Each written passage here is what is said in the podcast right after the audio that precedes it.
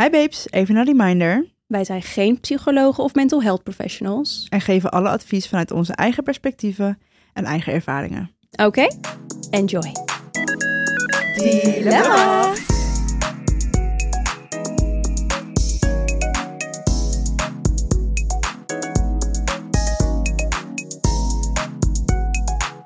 Oké, ja. Pap. Ik ben sinds een paar dagen terug van mijn eerste vakantie samen met mijn vriendin. We hebben het daar zo naar onze zin gehad op Rodos dat sinds ik terug ben ik enorme last heb van post-trip depression. Ik kan elke dag eigenlijk wel huilen om het idee dat ik terug ben in de realiteit en niet meer daar ben. Ik mis het gevoel die ik daar had, de omgeving en de dingen die ik daar kon doen met mijn vriendin. Hoe kan ik dit het beste een plekje geven? Mijn vriendin steunt me al super erg hierin. Ik schrijf ook al de leuke ervaringen op en probeer dankbaar te zijn voor de dingen die ik hier heb. Alleen blijf ik enorm verdrietig. Mijn vriendin en ik wonen ook niet echt samen, dus de switch dat ik weer alleen slaap is ook super lastig. Please help me. Ik ben bang dat ik namelijk weer een terugval van depressie krijg. Mhm. Talk to me. First of all, First of all, fucking all, nee. Nee, oké, ik vind het oprecht echt vervelend voor je.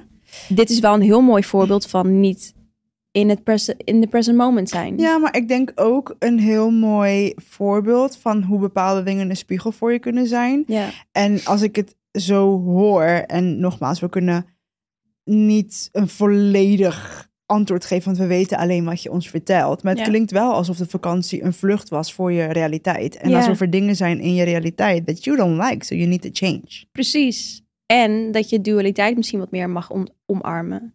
Want er kunnen hele momenten, mooie momenten zijn, zoals je Mhm. had op Rodos. Maar tegelijkertijd, die kan je alleen maar heel mooi vinden als er ook minder mooie momenten in je leven zijn. Ja, ik denk wel dat het meespeelt inderdaad. Dat je wel moet beseffen van oké, niet elk moment kan heel hoog zijn. En Ja. misschien ligt daar een soort van punt dat, dat, ze dat, moet, dat jij dat moet accepteren. Van oké, ik het- mijn leven kan niet constant een vakantie zijn waarin ik me zo voel. En het zou ook trouwens niet kunnen. Want als je je alleen maar zo zou voelen, Dan weet je niet meer hoe Dan- high dat gevoel is. precies, dan Ja. wordt het op een gegeven moment wordt dat gewoon de standaard.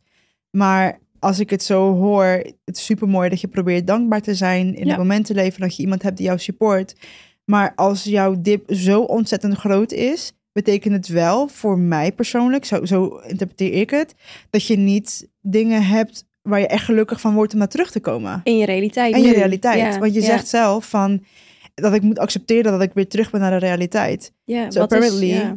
Ja, shit needs to change. Ja, want jij kan er zo voor kiezen om, al is het maar iets kleins, op de dag te doen wat jou echt joy geeft. Ja, Ik denk dat veel mensen dat wel eens vergeten, omdat ze zo in de sleur zitten van stel je hebt een 9-to-5 job, dat je dan vergeet om ook echt iets leuks te doen voor jezelf. En nogmaals, dat hoeft niet te betekenen dat je meteen een vakantie boekt of een concert boekt, maar al is het iets kleins waar je echt puur geluk uit haalt, ga het doen. Nou ja, twee dingen. En dat inderdaad.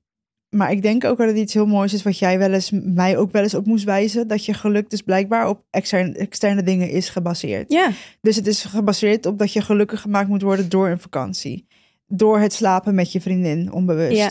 Door hè, bepaalde dingen die jou moeten triggeren om happy te zijn. Ehm, hoe is de relatie met jezelf? En het klinkt gelijk fucking diep van, yo bitch, het gaat over een post-trip depression.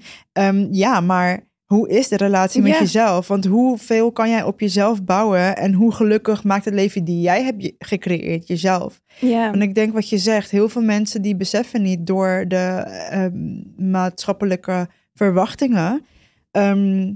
als je, en heel veel mensen, daarom geloof ik dat, eh, hoe noem je dat? Een, ehm, dat zeggen ze toch altijd, als mannen een bepaald eh, eh, leeftijd bereiken, dat ze dan in één keer een soort van kronkel in hun hoofd krijgen. Hoe noem je dat? Een, een midlife Oh, crisis. midlife crisis. Ja, ik denk dat het dus gebeurt omdat ehm, een bepaalde verwachting is vanuit de maatschappij dat mensen vergeten een leven te creëren waar zij gelukkig van worden, Ja. die niet past binnen, per se past binnen de normen van de maatschappij. Ja. Nogmaals, ik weet niet hoe je leven eruit ziet, maar ten En- eerste, ja. hoe is, ja, nogmaals wat ik zei, hoe is de band met jezelf? En ten tweede, hoe gelukkig maakt de realiteit die jij hebt gecreëerd voor jezelf jou en neem je jezelf dat ergens kwalijk? Ja, Want precies. apparently you're mad at something. Ja. ja, en dit is ook wel heel... Eigenlijk is dit heel ja, vanzelfsprekend. Maar als je er even op inzoomt...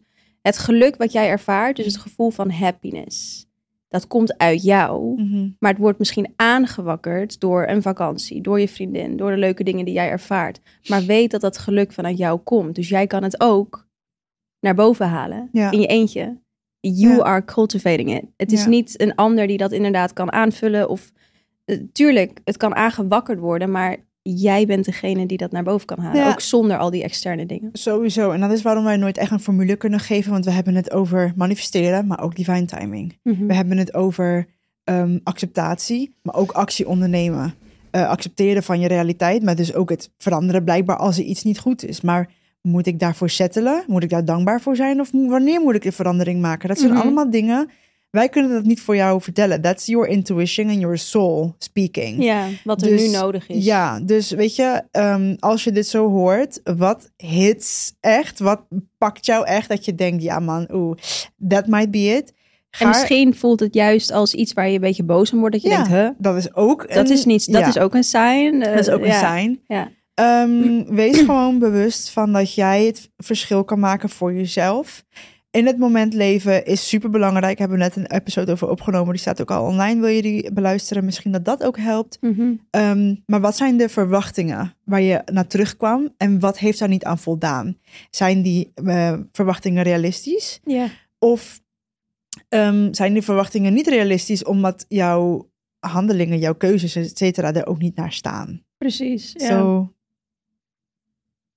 Ja, het klinkt heel kut. Ik denk dat heel veel mensen ook denken dat deze dilemma's dat we je het antwoord gaan geven. Maar heel vaak komt het, gaat wel neerkomen op kijk daar bij jezelf. ja. En wij zijn, ehm heb ik bij mijn morning messages ook heel vaak. Dat ik denk, ja, oké, maar nu zijn ze heel vaak over andere mensen gegaan. Met het allerbelangrijkste is kijken naar binnen. Wat ben ik aan het doen?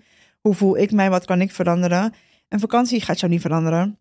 Jouw vriendin kan je misschien troosten, maar she's gonna live her own life. Mhm. En dan moet je terugkomen bij jezelf. En dan. Precies. So, ik hoop dat het... Oh, Siri wil altijd bemoeien. Siri wil altijd bemoeien. Ehm, ik hoop dat het Wat helpt. wat helpt. Ehm, en ik ben benieuwd wat je uit dit advies hebt gehaald. Ja. Want ik ben oprecht benieuwd. Want we, ken, we, ken, we hoorden maar een klein deel. Precies. So what hits? What hits home? Wat ga je, welke veranderingen ga je maken? Ja. Let us know. Bye.